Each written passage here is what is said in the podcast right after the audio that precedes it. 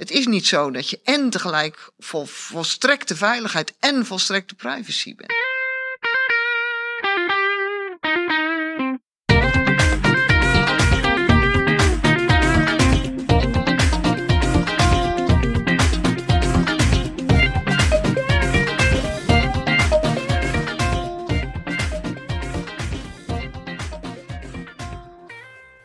Hallo allemaal, welkom bij de Mayors Manual podcast.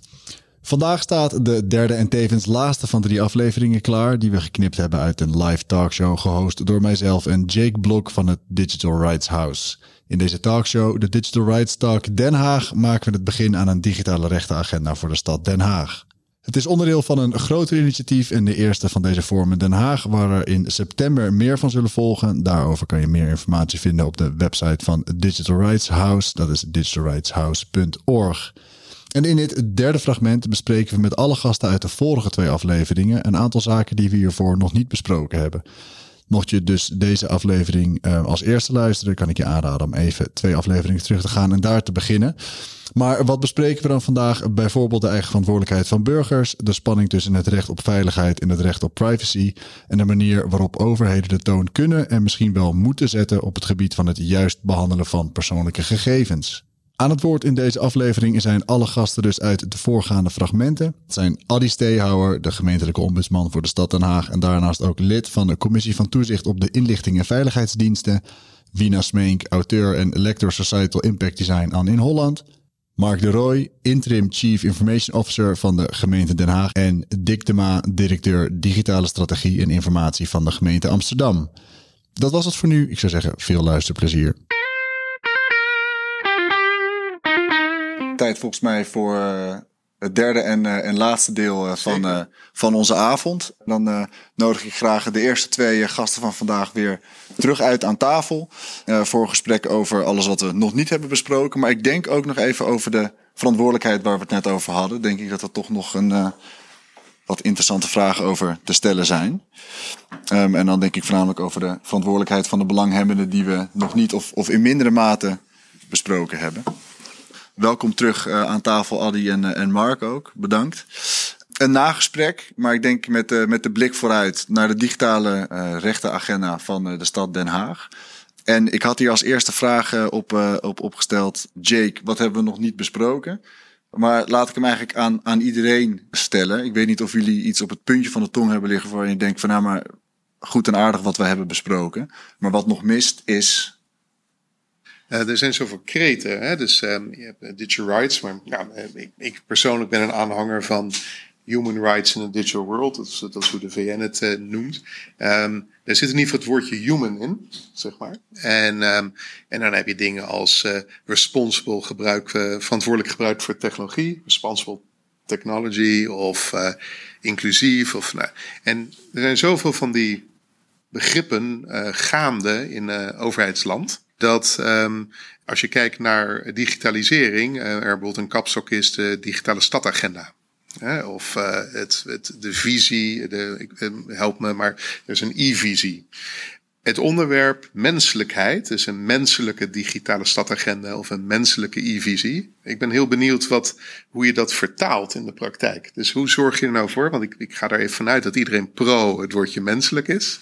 Um, maar hoe uh, voorkom je dat het een afvinklijst, uh, afvinkpuntje is zoals uh, nou, soms misschien met ethiek gebeurt? Um, en dus hoe, hoe, hoe breng je dat in de praktijk, dat woordje menselijk? En ik denk dat dat hem ook aansluit bij de burger betrekken. Maar um, dat is het onderwerp wat ik ook graag zou willen inbrengen. Ja, ja laten we dan anders beginnen bij uh, de, de burger die hier nu niet uh, aan tafel zit. Maar ik heb het al opgeschreven bij de volgende Digital Rights Talk uh, in september wel, denk ik. Lijkt me een goed voornemen in ieder geval. Zeker. We hebben het al kort even gehad, uh, Dick en Wina, net over de verantwoordelijkheid van de burger. Uh, dus als ik me dan even tot, tot Mark en, en Adi uh, kan richten.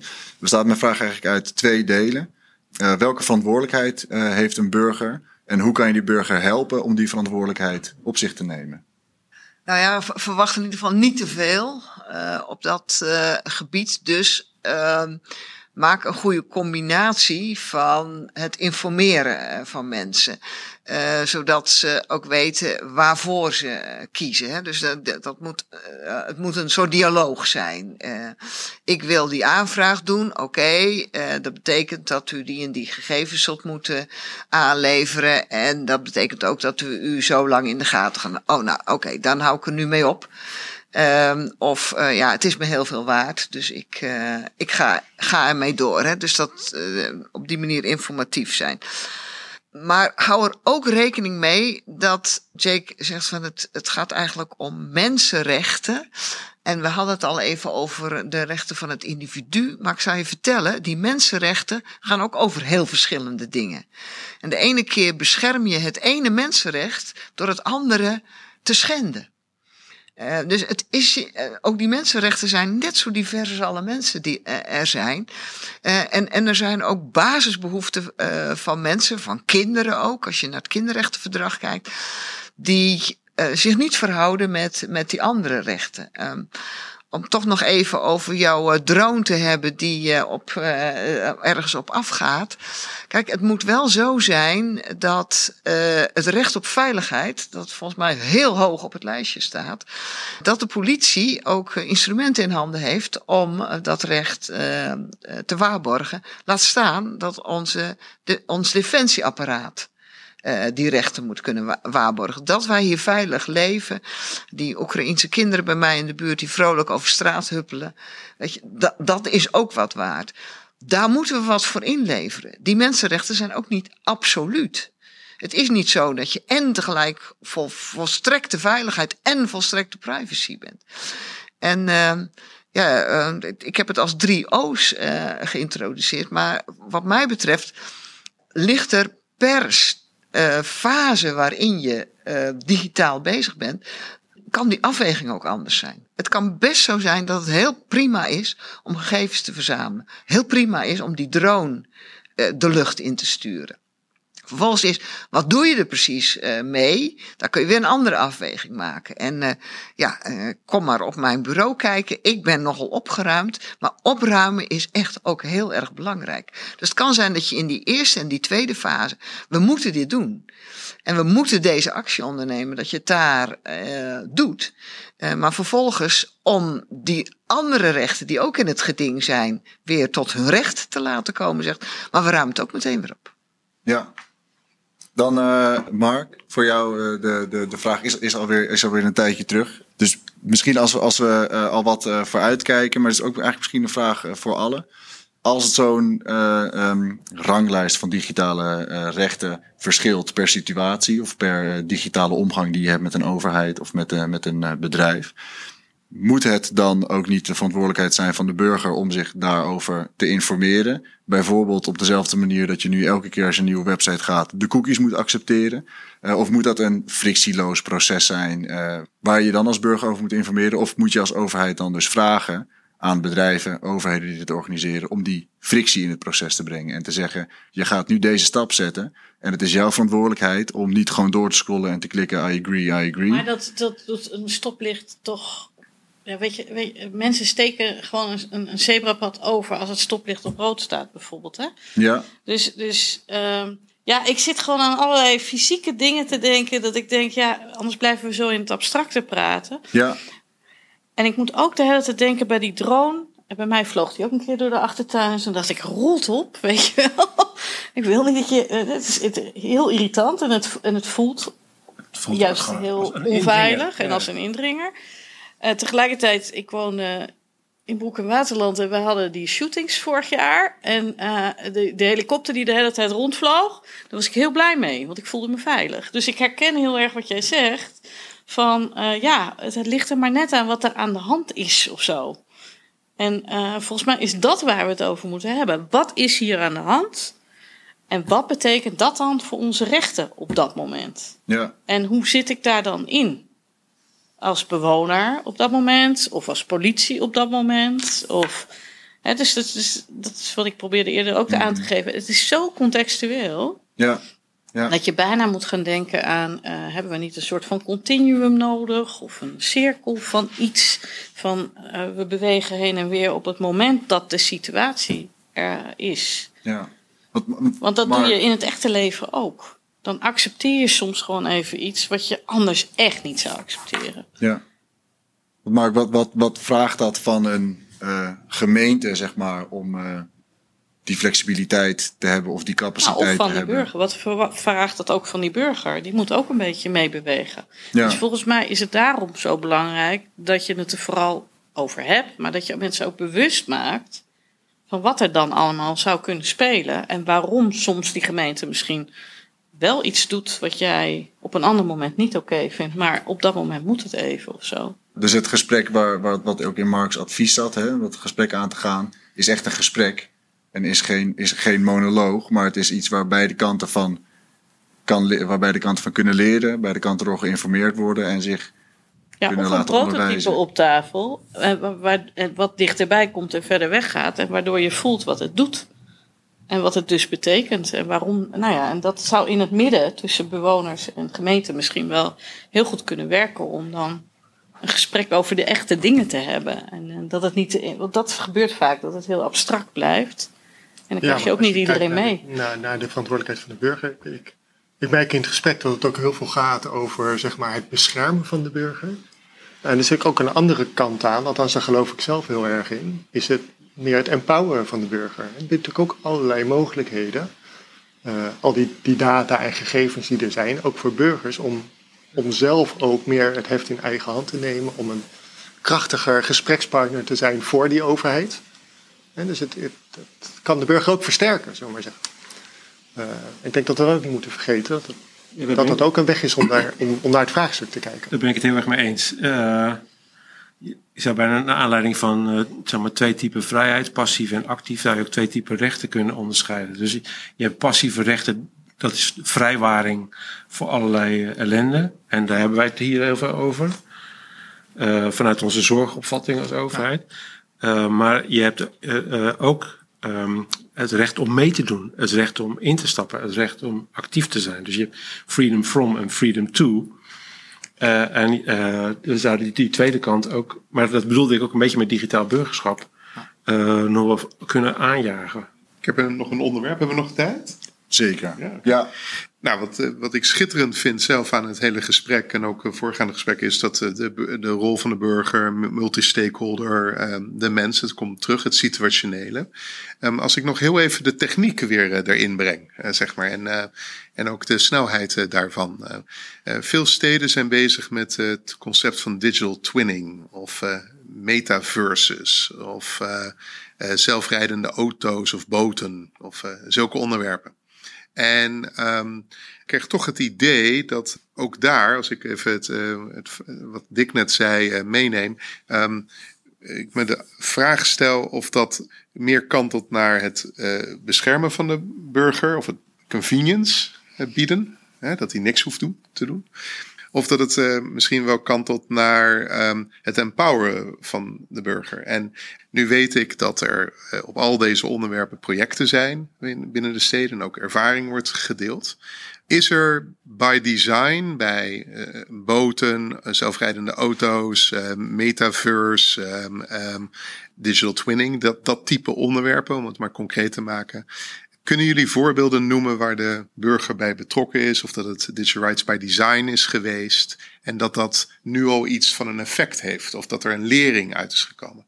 Want eh, eh, ik noem maar een paar ontwikkelingen, maar er zijn er natuurlijk een hele hoop. Eh, en, en om het toch even af te maken, het stukje is dat nu is AI en voor je het weet ehm, ehm, hebben we een AI die voor ons al die situatieafwegingen maakt. Eh, en die vertrouwen dan ook nog eens, zeg maar. En ehm, dus die techniek die dendert door, dat is mijn standpunt. En veel mensen leven urenlang in die digitale wereld. En zijn onze digitale burgers. En zijn, zijn misschien ook verantwoordelijk voor. Dus mijn vraag eigenlijk nu eerst aan eh, Mark en, eh, en eh, Dick vanwege de st- stadskant. en, eh, en dan ehm, nou, Wina en Adi als jullie ook willen mee reageren. Maar ehm, er is zo ontzettend veel technologische ontwikkeling waar, waar steden gretig naar zijn, om van willen leren. En vindt er vandaag al dat digital rights by design plaats? Deze is best wel moeilijk, dus jij mag je- Ja. en hoef maar één voorbeeld te hebben hoor. Oh, één. Oh, dat is, Ja, ja. Nou ja, kijk, waar, ik- waar ik even aan moet denken. Kijk, wij hebben eh, binnen eh, eh, Den Haag een eh, programma noemen we Digitale Spiegelstad. Ehm, en daar zie ik bijvoorbeeld heel veel mogelijkheden in. In bijvoorbeeld eh, stadsdelen die we eh, eh, eh, verder ontwikkelen. Dus wat je eigenlijk eh, burgers kunt bieden, is dat ze bij wijze van spreken met een VR-bril door de toekomstige wijk heen lopen. Dus dat maakt het veel, dat is denk ik een heel krachtig instrument. Om te laten zien wat, wat voor plannen je als gemeente hebt en wat je daar als burger van vindt. Dan hoef je niet s'avonds naar een inspraakavond te gaan en eh, eh, een dik boek met papier door te kijken. Maar je kunt wel door je toekomstige straat lopen. Of je kunt, als er hoogbouw plaatsvindt, zien hoe hoog hoog eigenlijk is. Eh, en eh, je kunt zelfs kijken wat het effect op je eigen woning is. Hè, door het zonlicht.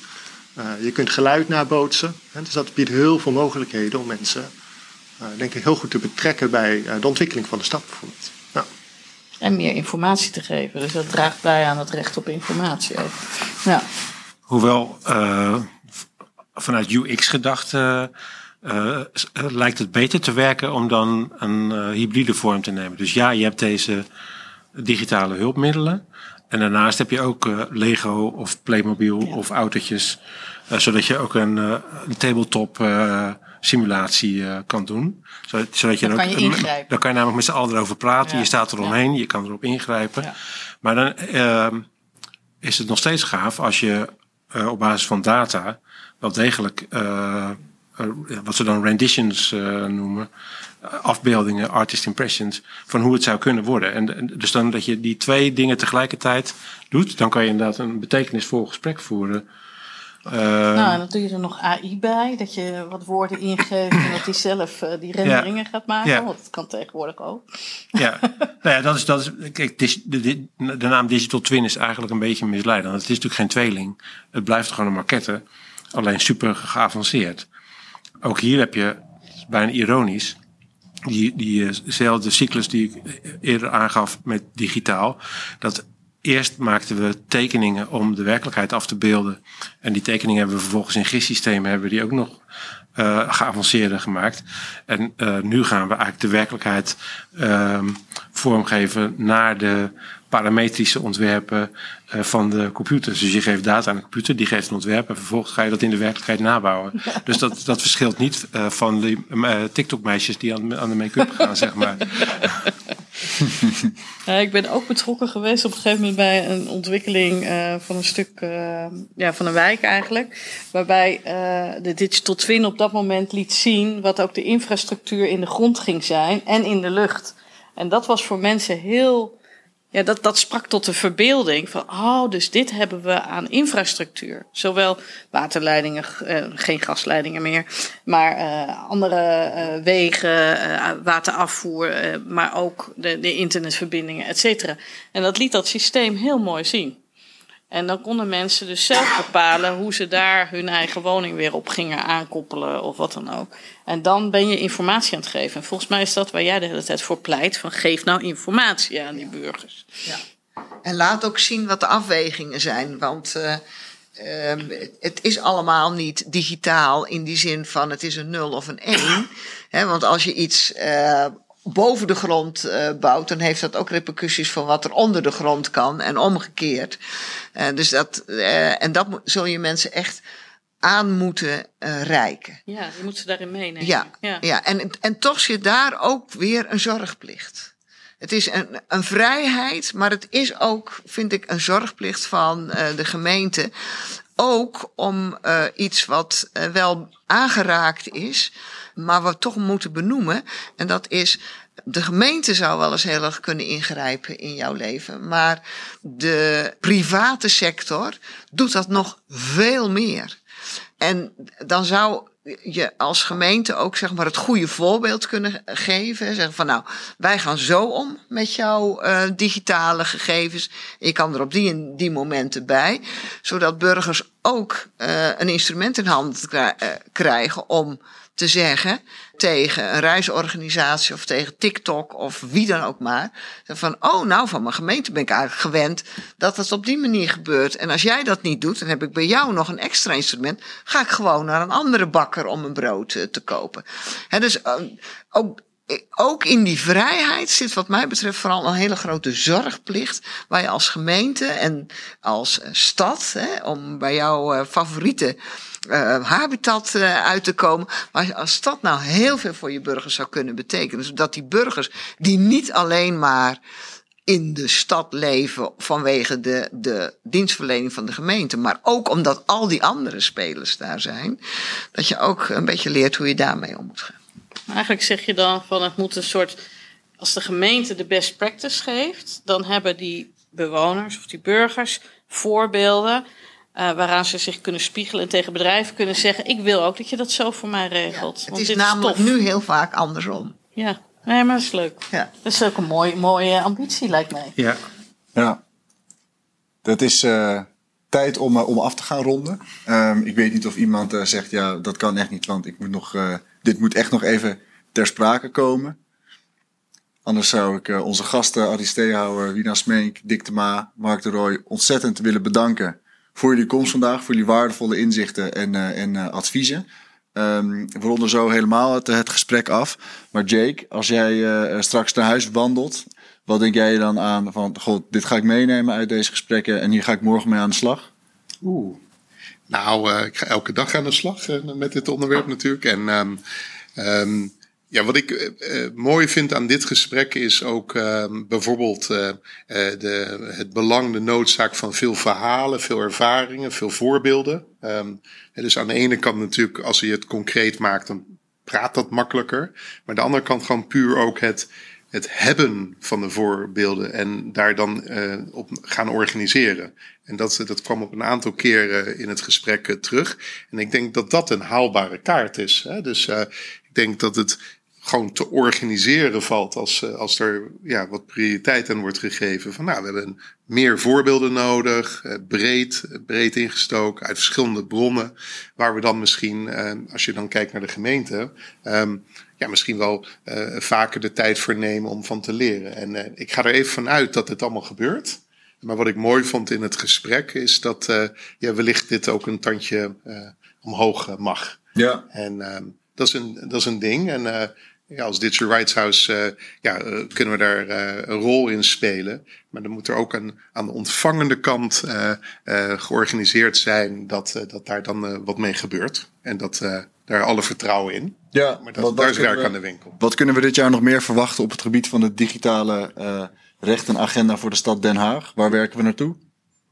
Als het aan mij ligt of als het aan uh, de hele. Volgens mij voor wat er al op het programma, voor wat er op het programma staat. Wat, kunnen onze kijkers, uh, wat kunnen onze kijkers verwachten? Ah, zo, ja, tuurlijk. Ah, jammer. Nee. Um, nee, we, volgens mij wordt er flink uh, aan, aan, gewerkt. Ik kijk ook even naar, naar Mark om daar wat, wat uitspraken, zeg maar, om dat toe te lichten. Maar volgens mij, zowel Amsterdam als Den Haag um, werken aan dit onderwerp. Want het, ergens was het er al.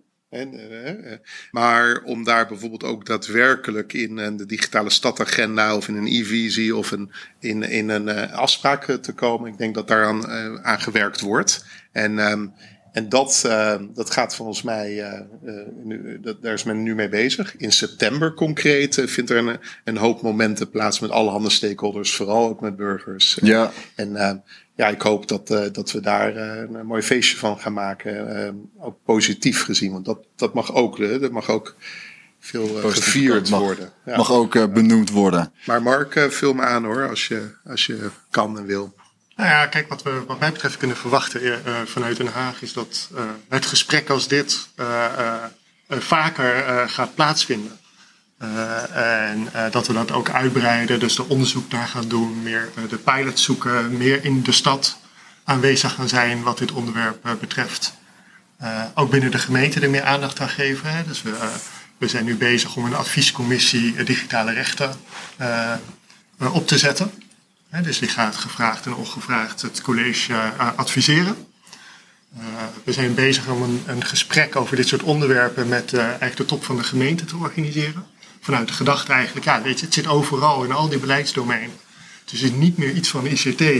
Het is iets wat als je werkt bij de gemeente Den Haag geen leiding geeft, dan moet je dit eigenlijk gewoon beheersen. En dus op al die niveaus en op al die onderdelen dit thema onder de aandacht brengen eigenlijk. En vooral het gesprek erover voeren. Dat Duidelijk. vond ik ook leuk vandaag. Dankjewel. Hi, en we zijn weer terug in de studio op het Marinetrein in Amsterdam. En inderdaad, een mooie ambitie.